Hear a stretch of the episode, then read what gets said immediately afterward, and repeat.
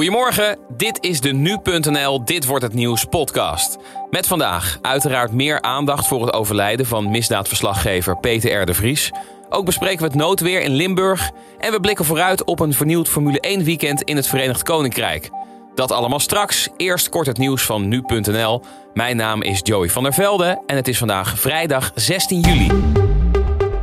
Het overlijden van Peter R. de Vries komt niet alleen in Nederland, maar ook over de grens als een grote schok.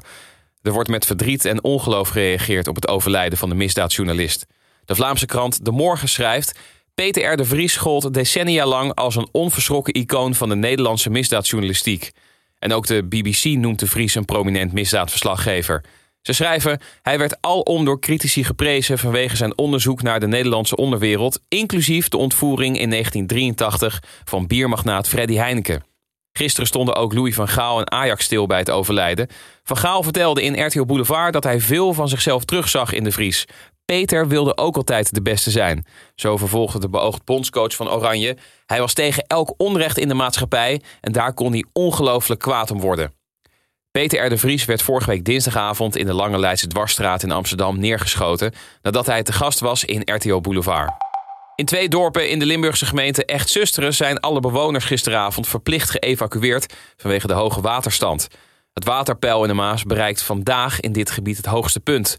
De veiligheidsregio wil voorkomen dat er dan mensen vastkomen te zitten. Het kabinet heeft Limburg aangemerkt als rampgebied en de missionair premier Rutte brengt vanmiddag een bezoek. Koning Willem-Alexander en koningin Maxima deden dat afgelopen avond al. Ze spraken met bewoners en ondernemers. Door het noodweer zijn in Duitsland gisteren zeker 59 mensen omgekomen. In de deelstaat Rijnland-Palts worden nog honderden mensen vermist. Bondskanselier Angela Merkel reageerde. Bondskanselier Angela Merkel reageerde vanuit de Verenigde Staten geschokt te zijn op de ramp. Ze zei mee te leven met de nabestaanden van de slachtoffers en bedankte de onvermoeibare hulpdiensten voor hun inzet. De herstelperiode voor de musea zal nog lang duren. In juni, de eerste volledige maand dat musea weer toegankelijk waren, zijn er door museumjaarkaarthouders ruim 411.000 bezoeken aan de musea gebracht. De cijfers blijven echter wel achter op voorgaande jaren. Uit eerder onderzoek van de museumvereniging, uitgevoerd na de eerste lockdown, bleek al dat het aantal museumbezoeken een van de laatste zaken is die naar het oude niveau terugkeert. De precieze cijfers van het aantal verkochte losse kaarten die zijn niet bekend bij de museumvereniging, maar het ligt voor de hand dat de daling daar nog sterker is, zo zegt een woordvoerder. De vereniging doet wegens de tegenvallende verkoopcijfers daarom een dringend verzoek bij het kabinet om de steunpakketten ook in het vierde kwartaal door te voeren. En de genomineerden voor de belangrijkste cabaretprijzen, de Polifinario, zijn Claudia de Brij, Alex Klaassen, Sarah Kroos en Roentvoenk. En die laatste twee maken kans in de categorie Entertainment. En Claudia de Brij en Alex Klaassen dingen mee in de categorie Engagement. De cabaretprijzen werden in 2020 niet uitgereikt vanwege de coronacrisis. En de nominaties van dit jaar gelden daardoor voor zowel theaterseizoen 2019-2020 als voor 2020-2021. De awards worden uitgereikt op 25 oktober. Ja, Limburg heeft het hard te verduren gekregen de afgelopen dagen. Defensie stuurt honderden militairen extra naar de provincie om te helpen bij de bestrijding van de wateroverlast. Eerder waren al tientallen militairen naar het gebied gestuurd. De angst bestaat dat als gevolg van het hoogwater vrachtwagens met voedsel steden zoals Valkenburg niet kunnen bereiken, waardoor een tekort aan voedsel kan ontstaan. De schade is groot in het gebied en onze verslaggever Job van der Plicht was er gisteren. Collega Julien Dom heeft hem gesproken over wat hij daar allemaal zag. Nou, ik, ik weet niet wat mensen zich erbij voorstellen, maar uh, ik zelf had er rekening mee gehouden dat ik onderweg, als, ik, als je op de snelweg rijdt, dat je om je heen ook al uh, gewoon in het landschap hoog water ziet.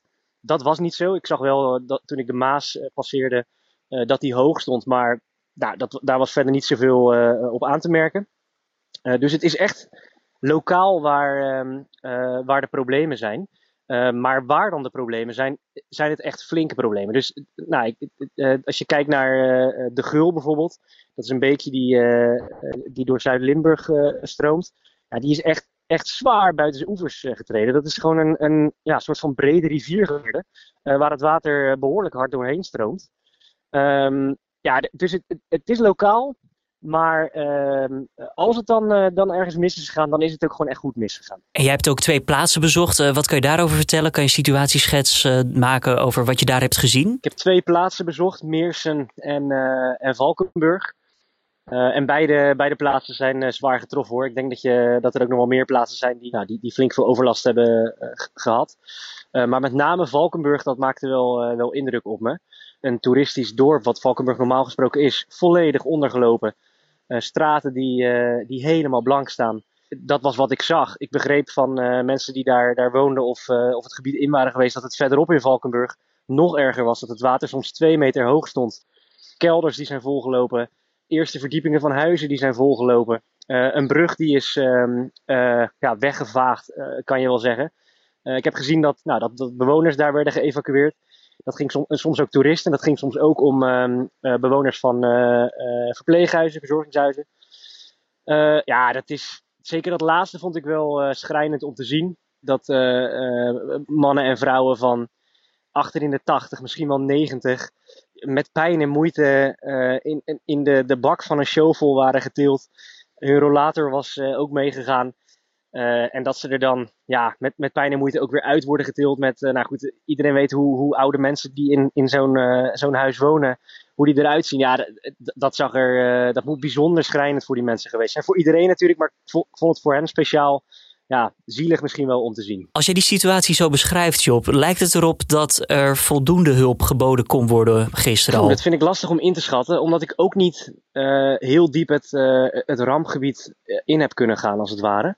Uh, maar ik denk het wel. Heb jij mensen gesproken die eh, gered waren, gered zijn? Of ja, ja, ja. Wat zeiden zij? Nou, ze waren er eigenlijk best wel, best wel rustig onder. Dat, dat was voor een deel uh, ging dat om bewoners. en voor een ander deel ging dat om toeristen. Met name die toeristen die, die ja, dan ben je er natuurlijk rustig onder. Dan, dan is je eigen huis gewoon nog heel. daar is niks mee aan de hand. prima. Het is een beetje een gekke vakantie, maar ook alweer een mooi verhaal om te vertellen achteraf. Uh, bewoners uh, maakten zich natuurlijk wel wat meer zorgen. Maar ik, ik, denk dat je vooral kan zeggen dat de adrenaline uh, het nog won van de, de bezorgdheid. Dat, dus het was nu vooral kijken naar, oké, hoe gaan we deze situatie oplossen? Hoe komen we eruit? Ja, als dan binnenkort het water is gezakt, dan kan je pas echt de schade opnemen. En, en die zal aanzienlijk zijn. Nou hebben we ook verhalen gehoord dat het leger en de ME is ingezet in Valkenburg. Heb jij daar iets van gezien? En zo ja, wat gebeurde er? Op welke wijze hebben zij geholpen? nou, de ME die, die werd vooral ingezet eh, om te voorkomen dat eh, ramptoeristen, laten we het zo maar even noemen, eh, het dorp in zouden gaan. voor mij kostte dat weinig moeite omdat ik van de pers ben. maar nou ja, in principe mocht je Valkenburg niet meer in. Dus daar werd de ME voornamelijk voor ingezet. en het leger is vooral gebruikt om mensen te evacueren. Dus dat betekent dat je ja, van die grote legervrachtwagens af en aan zag rijden. behoorlijk wat militairen die, die daar rondliepen. Ja, die hielpen mee met, ehm, uh, met het, het, halen van mensen uit hun huizen. Heel schrijnende situatie daar dus. Uh, nog even uh, ja, voor de beeldvorming, hoe krom het ook klinkt. Tot, tot, hoe diep staan de mensen daar in het water? Wat heb jij gezien? Ik heb gezien dat mensen tot hun knieën in het water liepen. ik heb gehoord van mensen, daar ben ik zelf niet bij geweest, maar gehoord van mensen dat ze tot hun middel in het water stonden. En um, deze omgeving is echt wel wat gewend met wateroverlast. Het gebeurt vaker dat, dat deze beekjes overstromen. Maar dit, dit hebben ze echt nog nooit meegemaakt. Dat was binnenlands verslaggever Job van der Plicht. Die hoorde je in gesprek met mijn collega Julien Dom over de situatie daar in Limburg. En de eerste sprintkwalificatie in de geschiedenis van de Formule 1 wordt vandaag afgewerkt op het circuit van Silverstone. Het raceweekend gaat daardoor op de schop. En collega Julien Dom die praat erover met onze Formule 1-expert Joost Nederpelt. Nou, ze hebben de kwalificatie die je normaal op zaterdagmiddag hebt uh, om de startopstelling te bepalen, die hebben ze naar vrijdag geplaatst. En er zijn eigenlijk ja, twee races, een, een, korte op zaterdag en een lange op zondag, uh, die zijn daarna. Dus, uh, en, en de, de, uh, volgorde is nu dat je dus op vrijdag kwalificeert voor de sprintrace op zaterdag.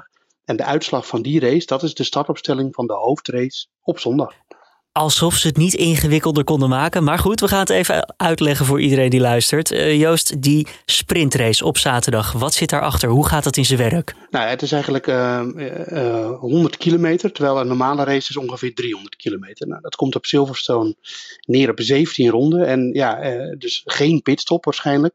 Eh, ze mogen wel pitstop maken, maar ja, dat, dat, dan verlies je zoveel tijd op zo'n korte afstand. Dus dat, dat gaat niemand doen. en dus de bedoeling is dat ze gewoon met één set banden ja, gaan raggen tot het einde. Dat gaat ongeveer een half uur duren waarschijnlijk. En dan, en dan kijken wie, wie er wint. Tweede, derde wordt. Dat gaat ook nog om punten. de eerste krijgt drie punten, de tweede twee en de, en de derde één. en het gaat natuurlijk om die startopstelling van zondag. Dus het is eigenlijk, de bedoeling is korte, snelle actie. En is het dan ook spannender, denk jij, als Formule 1-kijker, liefhebber, om zo'n sprintrace te, uit te voeren dan de reguliere kwalificatie zoals we eerder dit seizoen hebben gezien? Nou ja, die is er ook nog, maar die is op vrijdag. Dat is, uh, die, die blijft gewoon gehandhaafd. Die gaat alleen een dag naar voren. Uh, en is het spannender? Ja, bedoel, dat, dat, is een beetje de vraag. Want je hebt nu nog steeds, uh, als de kwalificatie op vrijdag normaal verloopt, dat de snelste auto's vooraan starten. Dus het kan best zijn dat die gewoon wegrijden bij elkaar. de snelste auto vooraan, dat betekent dat die in principe niet ingehaald kan worden. dat gaat natuurlijk wel gebeuren, maar dat is een beetje het doemscenario. Maar het, het mooie scenario wat je kan hebben, is dat ze heel erg aan elkaar gewaagd zijn en dat je hele mooie gevechten krijgt. Omdat ja, het is toch de moeite waard om elkaar eh, in te gaan halen. Kan Williams nog wel verrassen in zo'n sprintrace? Nou ja, stel het gaat regenen en uh, de top 10 schuift uh, met elkaar van de baan af. En, en, en Russell houdt hem op de baan, dan start hij zondag zelfs op pole. Zo is het ook weer. Dus ja, er zit evengoed nog wel een verrassingselement in. En dat hangt natuurlijk van allerlei omstandigheden af. Crashes, hoe is je snelheid, ben je goed in inhalen, ben je niet zo goed in inhalen. Dus er zit wel wat, wat extra ingrediënten in. Misschien nog een kleine technische vraag. Bij de kwalificatie op zaterdag eerst mocht je nooit je spullen veranderen voor zondag. Hoe zit dat nu? Nou, stel nou, Max Verstappen die uh, rijdt in de sprintrace uh, vol achter op de achterkant van, uh, van Lewis Hamilton. Laten we het niet hopen. Het zou wel spectaculair zijn, maar laten we het niet hopen. Dan, dan mogen zowel Mercedes als, als Red Bull de auto gewoon weer vervangen. Nou ja, niet vervangen. De, de, onderdelen die nodig zijn vervangen. zodat die zondag gewoon met een complete auto aan de start staat. En de banden waarmee ze zaterdag die sprintrace rijden, moeten die ook vervangen worden of blijven die zitten aan de start? Nee, ze mogen zelf bepalen op welke banden uh, uit de keuze die je kunt maken ze gaan starten zaterdag. Dat wordt wel heel interessant. Uh, kies je de medium, kies je de harde band. En op zondag uh, moeten ze twee soorten gebruiken, zoals nu ook al het geval is. Alleen mogen ze nu zelf ook bepalen op welke band ze dan starten. Voor dit seizoen zijn er drie sprintkwalificaties gepland. Silverstone in het Verenigd Koninkrijk is dus de eerste. En de andere twee zijn nog niet bekend. De Grand Prix van Italië, dat is op 12 september, en Brazilië op 7 november, die zouden grote kanshebbers zijn. En dan krijg je nog het weer, krijg je allemaal van Weerplaza. Vandaag begint de dag nog met wat laaghangende bewolking. In het zuiden van Limburg zou nog een bui kunnen vallen. Verder is het overal droog en gaandeweg de dag weet de zon heel aardig door te breken. Vooral in de kustprovincies is dat het geval. Er staat ook wat minder wind ten opzichte van de afgelopen dagen. De temperatuur loopt op naar een graad of 20 in het Waddengebied. En direct langs de westkust tot zo'n 24 graden langs de oostgrens. En dan nog even dit. Antonio Banderas die scoort een rol in de nieuwste Indiana Jones film. Hij speelt naast Harrison Ford, die ook dit keer eh, de titelrol voor zijn rekening neemt. Onder andere samen met Phoebe Waller, Britse actrice en de Deense acteur Mads Mikkelsen. Spelen allemaal in deze avonturenfilm. Nog niet bekendgemaakt waar de film over gaat of wat de rol van Banderas zou zijn.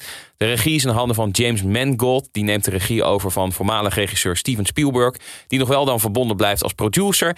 En de productie is momenteel in volle gang. Release staat gepland voor 29 juli 2022. De datum is nog onzeker omdat Harrison Ford een blessure aan zijn schouder heeft opgelopen tijdens een vechtscène voor de film.